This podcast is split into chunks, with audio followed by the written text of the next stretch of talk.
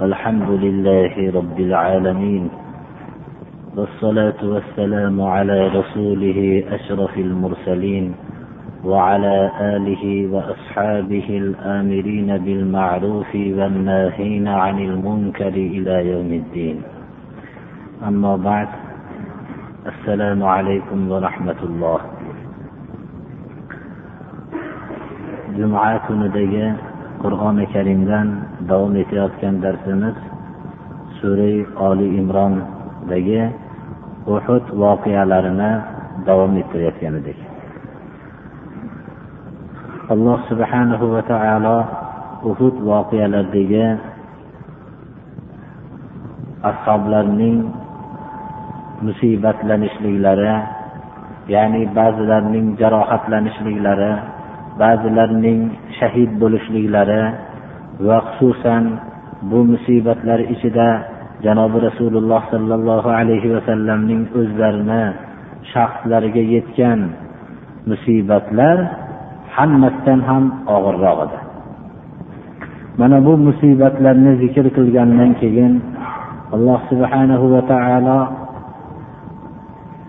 bu musibatlarning kishilarning rasul sollallohu alayhi vasallamning buyruqlariga itoatsizlik natijasida bo'lganligini bayon qilib va ba'zi bu munofiqlar tarafidan rasul sollallohu alayhi vasallamning haqqiga hatto bu kishi ba'zi g'animatdagi narsalarni o'zlariga xos qilib bekitib olganlar degan narsalar ham hatto munofiqlarning tilidan shunchalik so'zlar ham joriy bo'lganligini bayon qilib rasul sollallohu alayhi vasallam uchungina emas balki mutlaq payg'ambar o'ziga xos qilib alohida g'animatdan ba'zi narsalarni bekitishligi mumkin emas ekanligini bayon qiladi.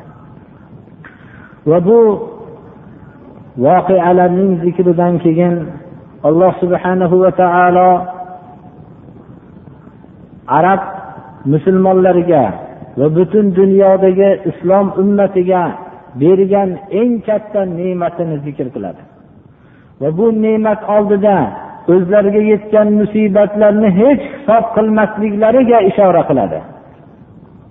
Inson hayotda yashar ekan u albatta musibatsiz yasha olmaydi.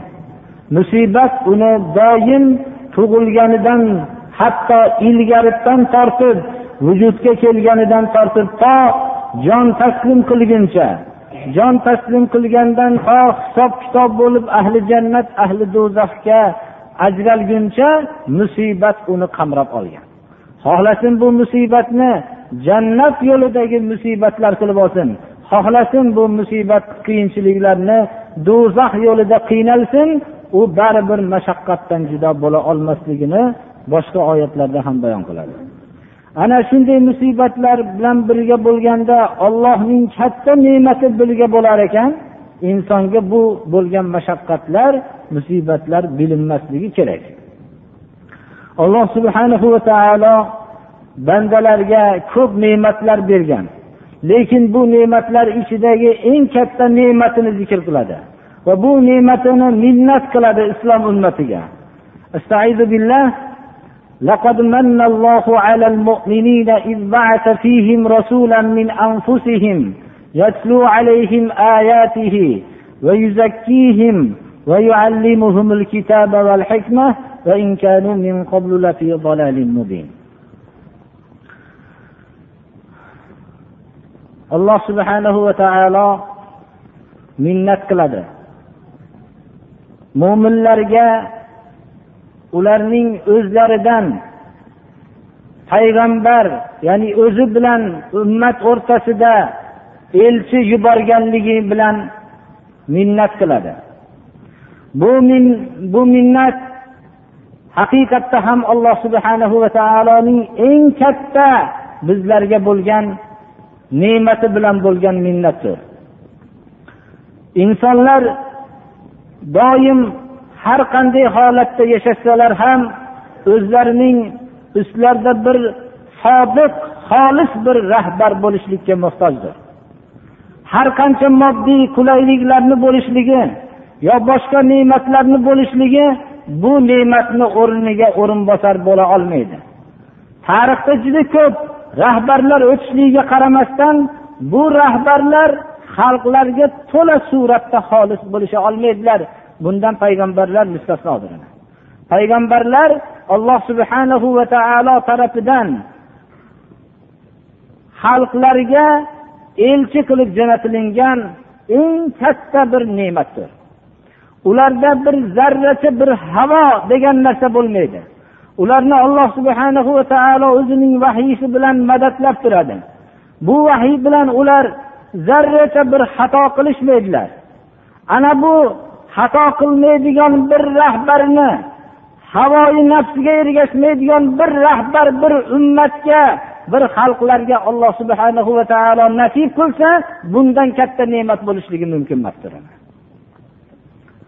shuning uchun ham odamlar tarafidan tuzilgan yo'llarga rahbarlik qilgan kishilarning oz fursatdan keyin ularning darrov xalqlarga xiyonatchi bo'lib bo'lganligi tez fursatda ma'lum bo'laveradi.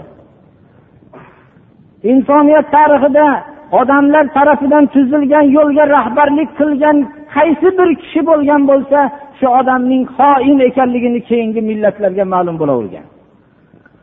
Ammo alloh subhanahu va taolo tarafidan yuborilgan payg'ambarlarki bularni xalqlar nechi ming yillar keyin kelsa ham ularning har bir duolarida eslab allohning rahmati bo'lsin alloh ulardan rozi bo'lsin degan duo bilan eslashadilar. Chunki ularda zarracha xiyonat bo'lishligi mumkin emasdir. Mana avvalgi oyatda ham alloh subhana va taolo payg'ambar uchun mumkin emas xiyonat qilishligi deyilyapti shu oyatdan keyin alloh subhana va taoloning shuncha ummatlar xalqlarga o'zining payg'ambar jo'natishligi bilan minnat qiladi degan oyatning kelishligi ham payg'ambarlarda zarracha xiyonat bo'lmasligidan bo'lmasligini bildirilyapti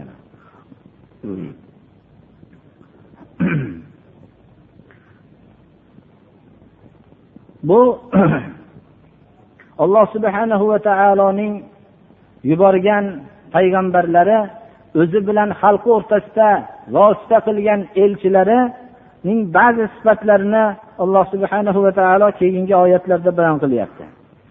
Yatlu alayhim ayatihi. Ularga ollohning oyatlarini tilovat qilib beradi. Alloh subhanahu va taoloning oyatini tilovat qilib va ularning pokizaligi ularning har bir sifatda poklaydi dunyodagi har bir rahbarlar o'zlarining havosidan chiqqan narsani xalqlarga talqin qilishsa payg'ambarlar ollohning oyatlarini tilovat qilib beradi. Yeru osmonni yaratgan butun mavjudotni yaratgan alloh subhana va taoloning oyatini tilovat qiladi. Ularda zarracha bir havo bo'lmaydi. Bu payg'ambarlarning insonlardan bo'lishligi ham ollohning katta ne'mati. Lekin insonlarning ko'pi o'zlarining jinsidan shu payg'ambarning bo'lganligini qadrlashmadi. Hatto mushriklar bizlarga farishta elchi qilib jo'natilinsa bo'lardi deb ko'p oyatlarda mana bayon qilingan talab qilishdi. Alloh subhanahu va taolo ularni rad qilib agar mabodo farishtani elchi qilgan elchi qilib jo'natganimizda ham uni inson qilib turib elchi qilib jo'natgan bo'lardik deydi. Chunki inson o'zini jinsidan bo'lmagan bir farishta masalan xalqlarni bir narsaga buyursa o'zida nafs bo'lmasa ovqat yeyishlik xususiyati bo'lmasa nasllanish xususiyati bo'lmasa unda uyqusirash charchash bo'lmasa farzand bola chaqa bo'lmasa ey xalqlar sizlar mana buni yo'lga kiringlar ollohni buyrug'ini qilinglar desa xalqlar tabiiyki xitob qilishgan bo'lardi. Siz o'zingiz ovqat yemasangiz bizga o'xshagan. Farzand nasl qoldirishlik xususiyatingiz bo'lmasa va hamda sizda charchas bo'lmasa siz ibodat qilasizda bizda unday xususiyatlar yo'q bizda bola chaqalar bor degan narsani aytishgan bo'lardi ammo xuddi insonlarning xususiyati bo'lgan xususiyatli kishini alloh subhanahu va taolo o'zi bilan insonlar o'rtasida vosita bo'lishligini iroda qildi. Bu ayni hikmat bo'ldi. Ko'rishdiki insonlar o'zlariga o'xshagan nasl qoldiryapti. Nasl qoldirish xususiyatiga ega va shu bilan birga ovqatlanish xususiyatiga ega va shu bilan birga charchab uxlash xususiyatlariga ega bo'lgan kishining bir buyruqqa buyurishligi o'zlariga o'xshagan kishining buyurishligini ko'rishganlaridan keyin ergashishdilar lekin buni hamma shunday hikmatni tushunmadi. Hatto farishta bizga jo'natilsa bo'lardi deyishdi. Farishta jo'natilganda albatta unga qarshi bo'lishliklarini alloh subhana va taolo bayon qilyapti. Undan tashqari ollohning oyatlarini tilovat qilib berishlik. Inson foniy zaif insonga alloh subhanahu va taolo tarafidan oyatlarning tushishligi insonning nihoyatda ollohning huzurida e'tiborli mukarram ekanligini belgisidir. Agar bir kishilar tarafidan biror bir katta kishi tarafidan bir ozgina iltifot bo'ladigan bo'lsa insonlar bir umr quvonib o'tishadilar. Ammo insonga butun mavjudotning rabbi bo'lgan olloh tarafidan insonning holini bayon qiladigan o'zining sifatlarini aytib beradigan oyatlarning tilovat qilinishligi agar inson bilsa bu ne'matni bu ne'mat ostida g'arq bo'lib ketgan bo'lardi. Va va insonlarni poklab axloqlarini poklaydigan dunyoqarashlarini poklaydigan va ularning hayot yo'llarini nopokliklardan poklaydigan payg'ambar jo'natishligi bilan minnat qilyapti alloh taolo. Insonlar agar olloh tarafidan elchi kelmaganda ularning dunyoqarashlari hozirgi zamondagi ollohning yo'liga ergashmayotgan ergashmasdan yashayotgan kishilarning tasavvurlaridaqa bo'lardi inson agar oxiratga ishonmasa yakka ollohning ulug'iyatini tasdiq qilmasa uning tasavvuri hayvondan ham pastlab ketadi birodarlar. Hozirgi zamondagi ollohning yo'liga ergashmagan biror bir madaniyatli kimsadan savol qilsangiz hayotdan kelishlikdan maqsad nima deb savol qilsangiz uning tasavvuri mo'min kishining tasavvuriga taqqoslaganda bir sodda bir go'dak bolaning tasavvuriga o'xshab qoladi. Hayotga kelishlikdan maqsad yemoq ichmoq xususan hozirgi yoshlarga savol qilinsa xorijiy mamlakatning sayyoralarini minishu xorijiy mamlakatning bir liboslarini kiyish shundan boshqa maqsad yo'q deb javob berishadi. Shundan boshqa tasavvur bo'lmaydi. Ana ollohni yo'liga ergashmagan kishilarning tasavvuri musulmon bo'lgan kishilar haqiqiy o'zlarining islom tasavvurlarini bilmasliklari natijasida ularga ham bu siroyat qilib birodar birodarlar. Inson islom tasavvurining hayotdan bo'lgan maqsad nima? Dunyoga kelishlikdan asl maqsad nima ekanligini bilishlik uchun bir johiliyat bosqichiniga murojaat qilsa inson o'zidagi ne'matni shunda ham tasavvur qiladi. Jafar ibn abi tolib habasiston hijratida ozgina musulmonlar bilan habasistonga hijrat qilganlarida habasistonning podshohi najoshiy rasululloh sollallohu alayhi vasallam haqidagi bo'lgan xabarlarni savol qilgan vaqtdagi jafar ibn abi tolibning qilgan javobi qanchalik islom ulardagi o'zgarishlikni vujudga keltirganligiga dalolat qiladi. Najosiy jafar ibn abi tolibdan savol qilganda shunda makkadagi ikki kishini abu sufyon jo'natgan ediki bularni tutib olib kelishlikni va ikkov kishilarga ko'p hadoyolarni bergan ediki podshohga berib shularni hammasini taslim qilib topshirishlikni so'ramoqligi uchun. Shunda najoshiy ularni topshirishlik arafasida turgan vaqtda jafar nabiy tolib ularning peshvolari bo'lganligi sababli mana shu yerda bir oz muddat gapirdilar mana bu so'z qanchalik islom ularning hayotlarini o'zgartirib tashlaganligiga dalolat qiladi أيها الملك كنا قوما أهل جاهلية نعبد الأصنام ونأكل الميتة ونأتي الفواحش ونقطع الأرحام shunda xitob qilib gapirdilarki jafar ibn abi tolib ey podshoh biz johiliy xalqlar edik. Biz butlarga ibodat qilardik. Hech qanday foydayu zarar bermaydigan butlarga ibodat qilardik. Butlar turli shakllarni o'z ichiga olgan edi birodarlar. Xususan islomdan ilgarigi johiliyat davrida agar bir chiroyliroq but topisholmagan bo'lsa yo'lda ketishayotgan bo'lsalar to'rtta tosh topishsalar uchta uchtasini qozonni tagiga qo'yishib o't yoqib ovqat pishirishsalar chiroylirog'iga ibodat qilishardi mabodo tosh topisholmay qolgan bo'lsalar tuyani sog'ib loydan bir sopol yasashib shunga ibodat qilishardi davul qildirib shu qilishlikdan ozgina hijolat bo'lishardilar ana shunday toshlarga ibodat qilardik. O'limtiklarni yerdik. Va buzuqliklarni qilardik dedi. Va qarindosh urug'lar bilan aloqani uzib yashardik.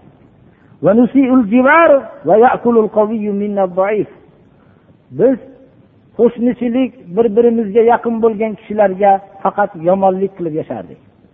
Bizlarning ichimizdagi hukm surgan qonun o'rmon qonuni edi ya'ni kuchli narsa kuchsizini yeyishidir o'rmondagi qonun birodarlar qaysi narsa maxluqlar hayvonlarning kuchlisi kuchsizini yeyaveradi shunga zulm qilaveradi ollohni hukmi hukm surmagan tuzumlarda ham kuchligi kuchsizini yeyaveradi birodarlar mana hozirgi vaqtda ham kambag'al muhtoj xalqlar juda ko'p vaqtlarda adolatni umid qilib shu tuzumlarni barpo qilishgan edi. Endi kelib qarab natijasi nima bo'ldi? Kuchlik kuchsiz deyishlik bo'ldi.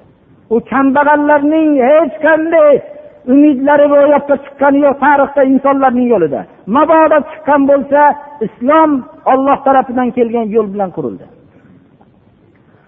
Abu bakr roziyallohu anhuning birinchi xutbalariga diqqat bilan qaralsa u kishi aytdilarki xalqlar o'rtasidagi kuchli bo'lgan odam meni oldimda kuchsiz dedilar. Agar zulm qilgan bo'lsa dedi xalqlar o'rtasida kuchsiz bo'lib yurgan odam mazlum bo'lar ekan meni oldimda eng kuchli odam dedilar. Unga zulmini qaytarib beraman dedilar. Ana qaysi bir adolat kambag'allarning umidlari ro'yobga chiqqan bo'lsa islom tuzumida ro'yobga chiqqan. Bizlarga yaqin tarixdagi islomni buzgan kishilarning ro'pos qilishmasin odamlar. Ular islomni buzgan buzganligi natijasida kuchli kuchsizni yegan. Bizlarning tariximiz boyki doim muhtojlarni mazlumlarni himoya qilganlik bilan bizni tariximiz boydir. Lekin bu tarixlar bulg'ab ko'rsatilganligi uchun biz bu tarixlarni bilmasdan tarixlarimizga qarshi bo'lgan odamlardan o'rganganmiz. Ana jafar ibn abi tolib bizlarni ichimizda kuchli kuchsizni yeb yashardi. فكنا على ذلك حتى بعث الله إلينا رسولا منا نعرف نسبه وصدقه وأمانته وعفافه فدعانا إلى الله وحده لنوحده ونعبده ونخلع ما كنا نعبد نحن وآباؤنا من دونه من الحجارة والأوثان biz shu holatda yashab turgan vaqtimizda alloh subhanahu va taolo bizlarga bir payg'ambar jo'natdi bu payg'ambarning biz nasabini ham bilamiz To'g'ri so'zligini ham bilamiz. Omonatdorligini ham bilardik. Pokligini ham bilardik. Bu payg'ambar bizlarni olloh subhanahu va taoloning o'ziga ibodat qilib ollohni yakka deb bilishligimizga chaqirdi. Va biz va ajdodlarimiz sig'inib kelgan toshlardan voz kechishlikka chaqirdi.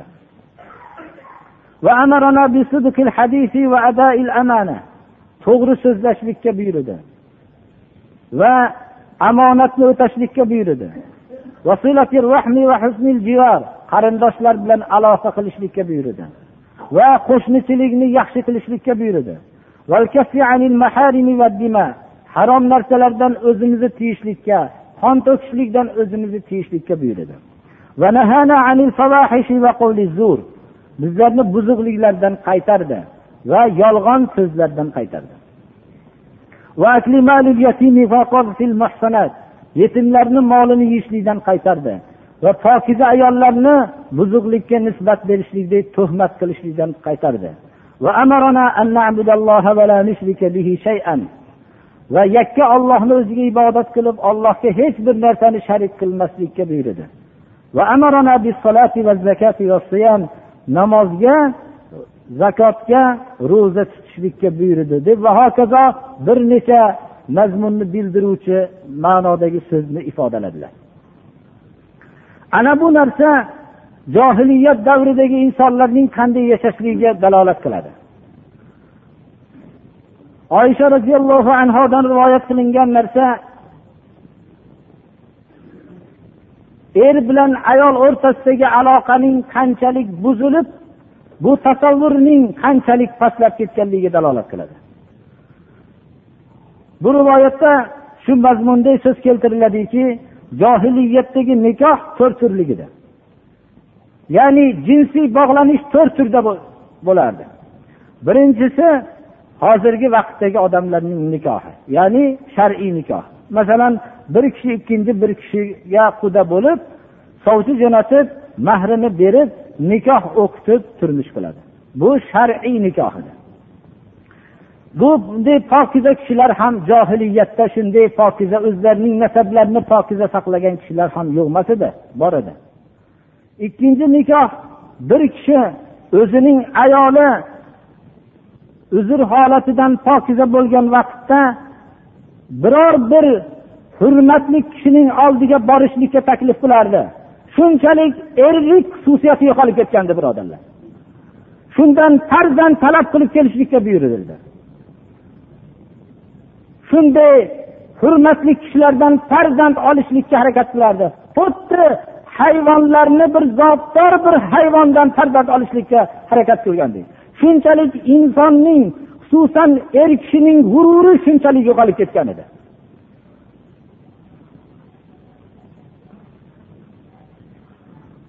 Bundan boshqa ikki nikoh buzuqlik suratida davom etadi.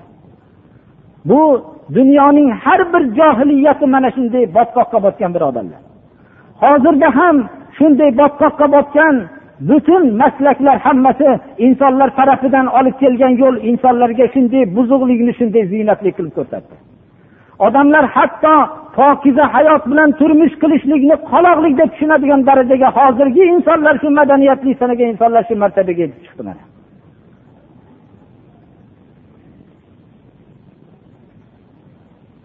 Inson ollohning yo'lidan judo bo'lganda hatto o'zidagi g'ururlik erkaklik g'ururlik ham yo'qolib ketadi birodarlar. Mana bu narsa islomdan ilgarigi johiliyatning ahvoli shu edi.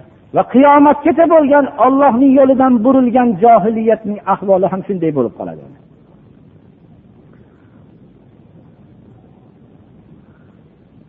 Ayollarning kamsitilishlik tirikligida ham bularning tug'ilgan vaqtida ham yoshi ulg'aygan vaqtida ham turmushdan judo bo'lgan vaqtida ham hamma vaqtda xorlanishlikdan iborat edi. Tug'ilgan vaqtda qiz farzand ko'rganligi uchun kishilar tirik ko'mib yuborardi. Ba'zilari bu voyaga yetganda ham menga hech qanday bir manfaat yetkazmaydi derdi. Hozirgi vaqtda ham manfaat ma'nosi faqat moddiy manfaat tushuniladi. U hech qanday bir kasb qilib top bir narsa topib kelmaydi degan tasavvur. Manfaat inson ollohni yo'liga bo'lgan iymoni bo'lmagandan keyin u faqat moddiy manfaatni tushunadi. Vaholanki islomdagi farzandlarning tug'ilganlarini qur'oni karimda ham qiz bolaning tug'ilishligidan boshlanishligi manfaatining ko'p ekanligiga ishora deyiladi.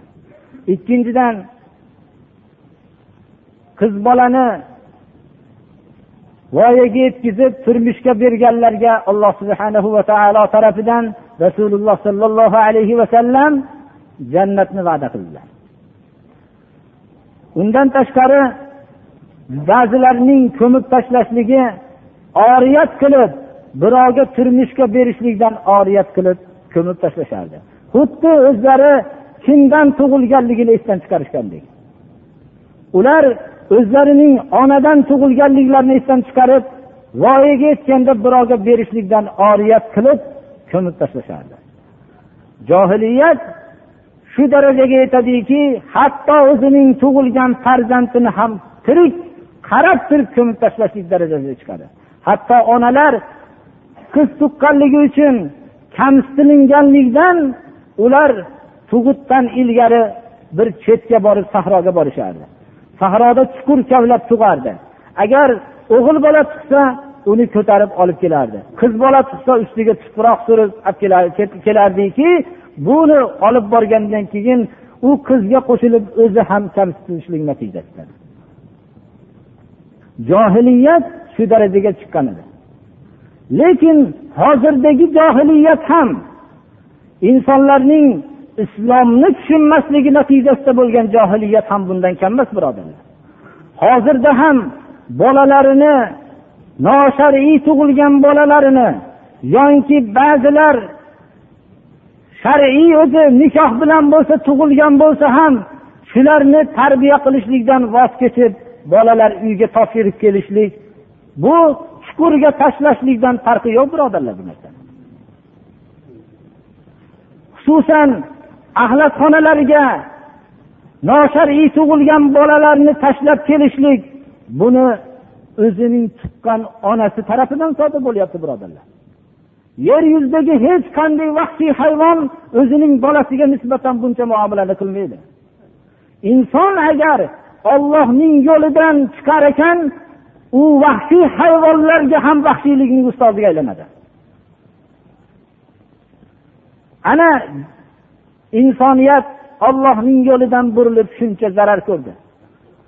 Hozirgi insonlarning ko'zini qamashtirayotgan moddiy taraqqiyot bu hech qanday inson o'zi ma'naviy tarafi tarafidan taraqqiy topmas ekan foyda bermaydi. Buning foyda bermasligini mana hammamiz yaqqol ko'rib turibmiz. Insonlar tarafidan kashf qilingan kashfiyotlar insonning yo'q bo'lishligiga xizmat qilib turibdi. Ana shuning uchun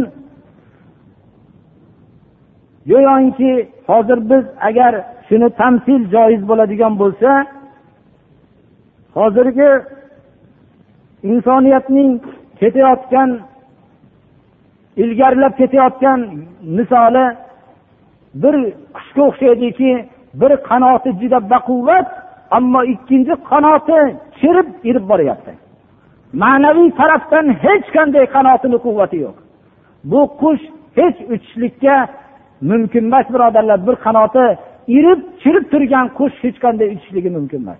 Ana islomdan iymondan bashariyat chetlanib shunchalik zarar ko'rdi lekin insonlarning tasavvurlari to'g'ri bo'lmasligi natijasida ba'zi moddiy taraqqiyot ularning ko'zlarini qamashtirib turibdi. Lekin uning ichidagi chirib qolgan narsani ko'rmaslikni iloji bo'lmasdan bizni davrimizga kelib mana hozir hamma bashariyat hayron bo'lib turibdi birodarlar. Qanday bu hayotdagi mushkulotlarni hal qilishlikka hayron bo'lib turibdi? Islom ana shunday og'ir holatni shunday maydonga olib chiqdiki bu maydonga olib chiqqan kishilar shu johiliyat ishlarida ishtirok etgan kishilar edi. Ularning qalblariga iymon islom kirgandan keyin butun dunyo qarashlari butun boshqa bo'ldi axloqlari boshqa bo'ldi yo'llari boshqa bo'ldi. Ularning odamlarga qarashlari boshqa bo'ldi. Moli dunyoga qarashlari boshqacha bo'ldi. Va hamma yaxshi sohalarda insonlarning ustozlariga aylandi. Tarixni hech bulg'ashlik mumkin emas bu narsa tarixda mana isbotlandi alloh subhanahu va taolo mana bu oyatda olloh minnat qildi sizlarga o'zinglardan payg'ambar jo'natgan vaqtda degan ne'mat shu darajada katta ne'matdir birodarlar. Bu ne'matning ba'zi bir taraflariga ishora qilib o'tildi. Alloh subhana va taoloning oyatlarini sizlarga tilovat qilib beradi. Sizlarning poklaydi. Dunyoqarashdagi pastlikdan poklaydi. Axloqdagi pastlikdan poklaydi.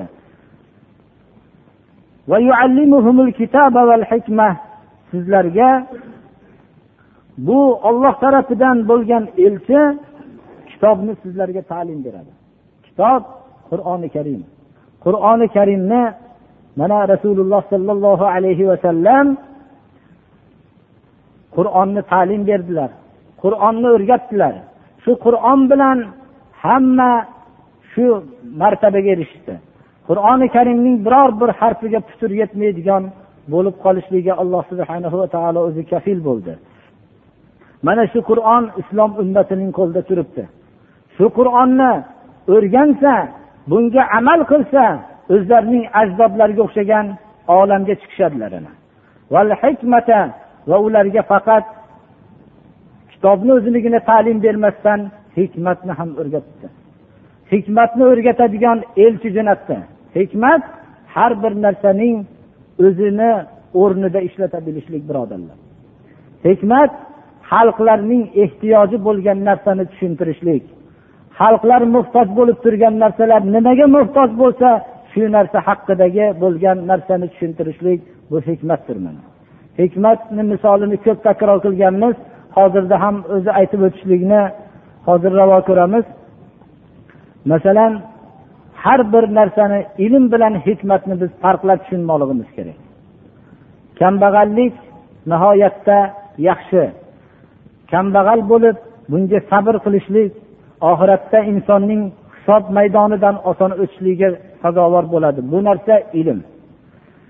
Davlatmanlik ham bu yaxshi. Agar davlatmanlikni inson o'rnidan haloldan topib halol o'rinlarga sarf qiladigan bo'lsa bu nihoyatda g'aniyu shokir o'zini davlatini o'rniga sarf qilishligi bilan nihoyatda katta darajaga erishadi. Bu ilm birodarlar. Qanoatni o'rganishlik qanoat qilib yashashlik buning yaxshi sifat ekanligi ilmdir mana. Saxovat birovlarga muruvvat qilishlik bu ham buni muruvvat qilishlikni yaxshi ekanligini bilishlik bu ham ilmdir.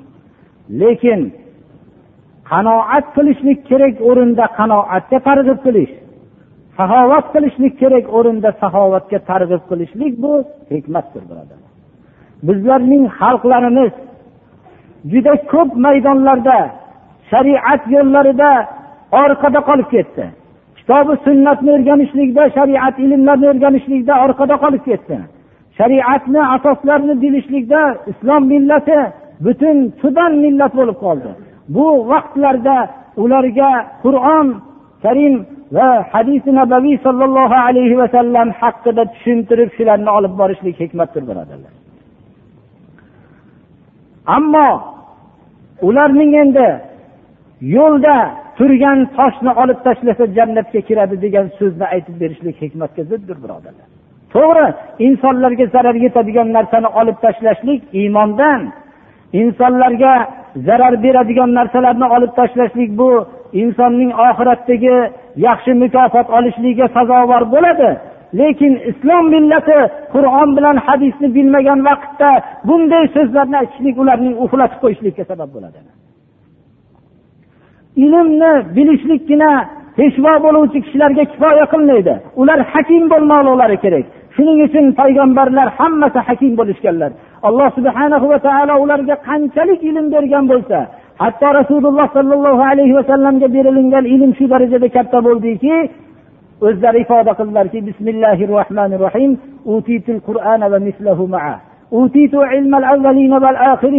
menga qur'on va qur'oncha qo'shib ilm berildi dedilar.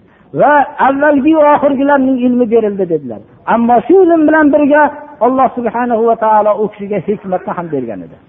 Lekin hikmatni ko'p kishilarga berilgan bo'lsa ham bu hikmatni o'rgatishlik hammaga nasib bo'lmaydi. Alloh subhana va taolo mana bu oyatda minnat qilib sizlarga hikmatni o'rgatadigan payg'ambarni jo'natishlik bilan alloh sizlarga minnat qiladi deyapti hikmat o'rgatadigan rahbari bo'lgan kishilar mollari jonlarini fido qilsar deydi. Hikmatni o'rgatadigan peshvoni alloh subhana va taolo islom millatiga nasib qilsin mana bunday rahbarga muhtoj bo'lib qoldi islom millati birodarlar. Lekin makrki hikmatning ziddi. Insonlar xalqlar moddiy taraqqiyotni qo'lga olib musulmonlar moddiy tarafdan rivojlanib ketayotgan vaqtda kambag'al bo'lishlikni faqirlikni maqtab ularning qanoat qilishlikka targ'ib qilishlik u millatni uxlatib qo'yadi birodarlar. Shariat ilmlarining o'rganishlik bilan qalblarda shajoat ruhlari paydo bo'ladigan bo'lsa ular o'zlarining haq huquqlarini biladigan kishilarga aylanadigan vaqtda ularning halimlik haqida maviza qilib berishlik ularni uxlatib qo'yadi birodarlar. Bu makr deyiladi. Halimlik yaxshi sifat ekanligida shak shubha yo'q lekin yumshab o'zlari bo'shashib ketgan xalqlarga halimlik haqida gapirishlik bu makrdir birodarlar. Ularning qalblaridagi his tuyg'ularini ularning inson ekanliklarini ularning mo'min ekanliklarini alloh subhana va taolo ularni mukarram inson qilganligi haqida maiza qilib berishlik bu hikmatga muvofiqdir birodarlar. Bizlarning xalqlarimiz ozgina ziyofat qilib ozgina shariatga to'g'rimi to'g'ri emasmi bir odamlarga osh yedirib jannatning to'risini olishlik fikriga odatlanganlar. Bular haqida yana yedirishlik haqida maviza qilishlik u millatni uxlatadi ularning qalblaridagi his tuyg'ularni hammasini shariatni bilishlikka o'rgatmoqlik kerak edi. Mana alloh subhanahu va taolo tarafidan kelgan elchilar xalqlarga hikmatni o'rgatganlar. Ular kitobni o'rgatganlar shular bilan birga hikmatni o'rgatishganlar. Shuning uchun qur'oni karimda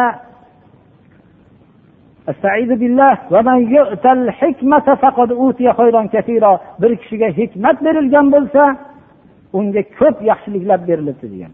Hikmat egasi dushman unga makr uyushtirayotgan vaqtda his qila oladigan shaxs bo'ladi. Masalan halimlik yaxshi bo'lsa dushmanga xitob qiladi dushmanga halim bo'lishlikka targ'ib qilayotganda halimlik yaxshi bo'lsa halimlikni o'zingizdan boshlang deydi. Xalqlarga saxovat qilishlik yaxshi deb xalqlarning pulini olib ularning noto'g'ri joylarga sarf qilayotgan kishiga xitob qiladi. Saxovat yaxshi bo'ladigan bo'lsa siz boshlang saxovatni deydi. Men sizni uyingizga borgan vaqtda saxovat haqida kitob o'qib bersam xotantoyning hikoyasini o'qib bersam uyimga kelgan vaqtingizda qanoat haqida kitob o'qib bersam saxovatning yaxshiligida shak shubha yo'q. Qanoatning yaxshiligida shak shubha yo'q. Agar qanoat yaxshi bo'lsa nima uchun men sizni uyingizda qanoat haqida kitob o'qib bermadim agar saxovat yaxshi bo'lsa nima uchun men uyimda saxovat haqida kitob o'qib bermadim sizga? Unda men sizga o'zimning qalbimdagi baxillikni qanoat pardasi bilan bekitdim. Sizni uyingizda o'zimning qalbimdagi tamani saxovat pardasi bilan bekitdim mana. Ana bu narsa makrdir birodarlar. Bizga alloh subhanahu va taolo hikmat egasi bo'lgan rahbarni ancha muddatdan beri mahrum qilib qo'ydi birodarlar. Bizga makkor rahbarlarni alloh taolo bizni boshimizga musallat qilib qo'ydi. Shuning uchun xalqlar uxlab qoldi birodarlar. Xalqlarning islomiy ongi yo'qoldi. Ular dushman tarafidan uyushtirilgan makrlarni his qilishmay qoldi. Ana bu narsa aksar islom peshvolarida bu makrlar topildi birodarlar. Shuning uchun xalq o'rtasida islomiy ongni paydo qilish kerakki ular xalqning peshvolariga bemalol rad qilib xitob qila olsinki siz bu ishingiz bilan bizga makr uyushtiryapsiz deyolmaydigan umumiy ongni paydo qilsagina xalqlar tushunadi birodarlar. Alloh subhanahu va taolo mana bu oyatda har qancha minnat qilsar deydiki olloh sizlarga minnat qildi. Sizlarga payg'ambar jo'natganda.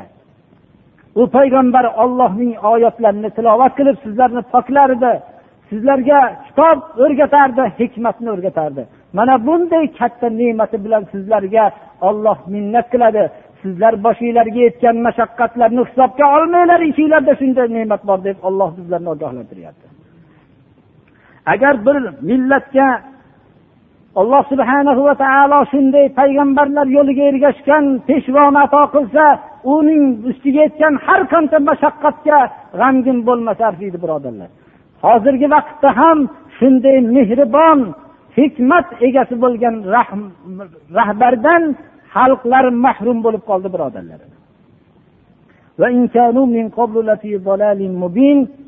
Agarki xalqlar ilgari islomdan ilgari ochiq zalolatda ya'ni ini muhaffasa deyiladi qat'an ular islomdan ilgari ochiq zalolatda bo'lishgan edi. Ularning ochiq zalolatdaliklarida shak shubha yo'q edi. Islomdan ilgari kishilar o'zlarini zalolatda deb sanamasdi. O'zlarini to'g'ri yo'lda deb bilishardi. Har bir adashgan kishilar ham o'zlarini to'g'ri yo'lda deb bilishadilar. Ularning uchun shuning uchun alloh subhana va taolo to'g'ri noto'g'rilikni o'lchaydigan bizga asbob tarozi jo'natdiki bu olloh subhana va taoloning kalomi va bu kalomini bayon qilib bergan janobi rasululloh sollallohu alayhi vasallamning hadisi muboraklari. Agar biz har qanday so'zni shu taroziga solib ko'ramiz shu tarozimiz to'g'ri deb ko'rsatsa to'g'ri deymiz agarki boshqalar noto'g'ri desa ham. Bu tarozi noto'g'ri desa noto'g'ri deymiz agarki boshqalar buni to'g'ri desa ham. Shuni yaxshi biz anglab olishimiz kerak. Bu oyatni qisman izohlashlikka muhtoj bo'lganligi uchun hammamiz ham shuning uchun rasululloh sollallohu alayhi vasallamning bizlarga payg'ambar bo'lib jo'natilingandek ne'matni biz juda katta ne'mat deb bilmoqligimiz kerak.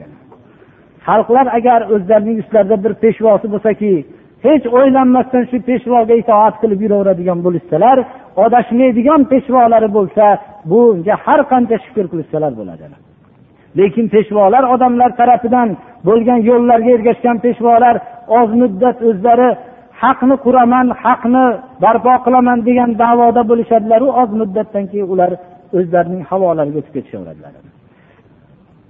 Alloh subhanahu va taolo bizlarga ham islom millatiga payg'ambarlar yo'liga ergashadigan bir peshvoni alloh subhanahu va taolo ato qilsin xalqlar nihoyatda shunga muhtoj bo'lib qoldi hozir xalqlar boylikka muhtoj emas birodarlar shunday xolis bir peshvoga muhtoj alloh subhanahu va taolo shunday peshvoni ato qilsin اهدنا الصراط المستقيم صراط الذين أنعمت عليهم غير المغضوب عليهم ولا الضالين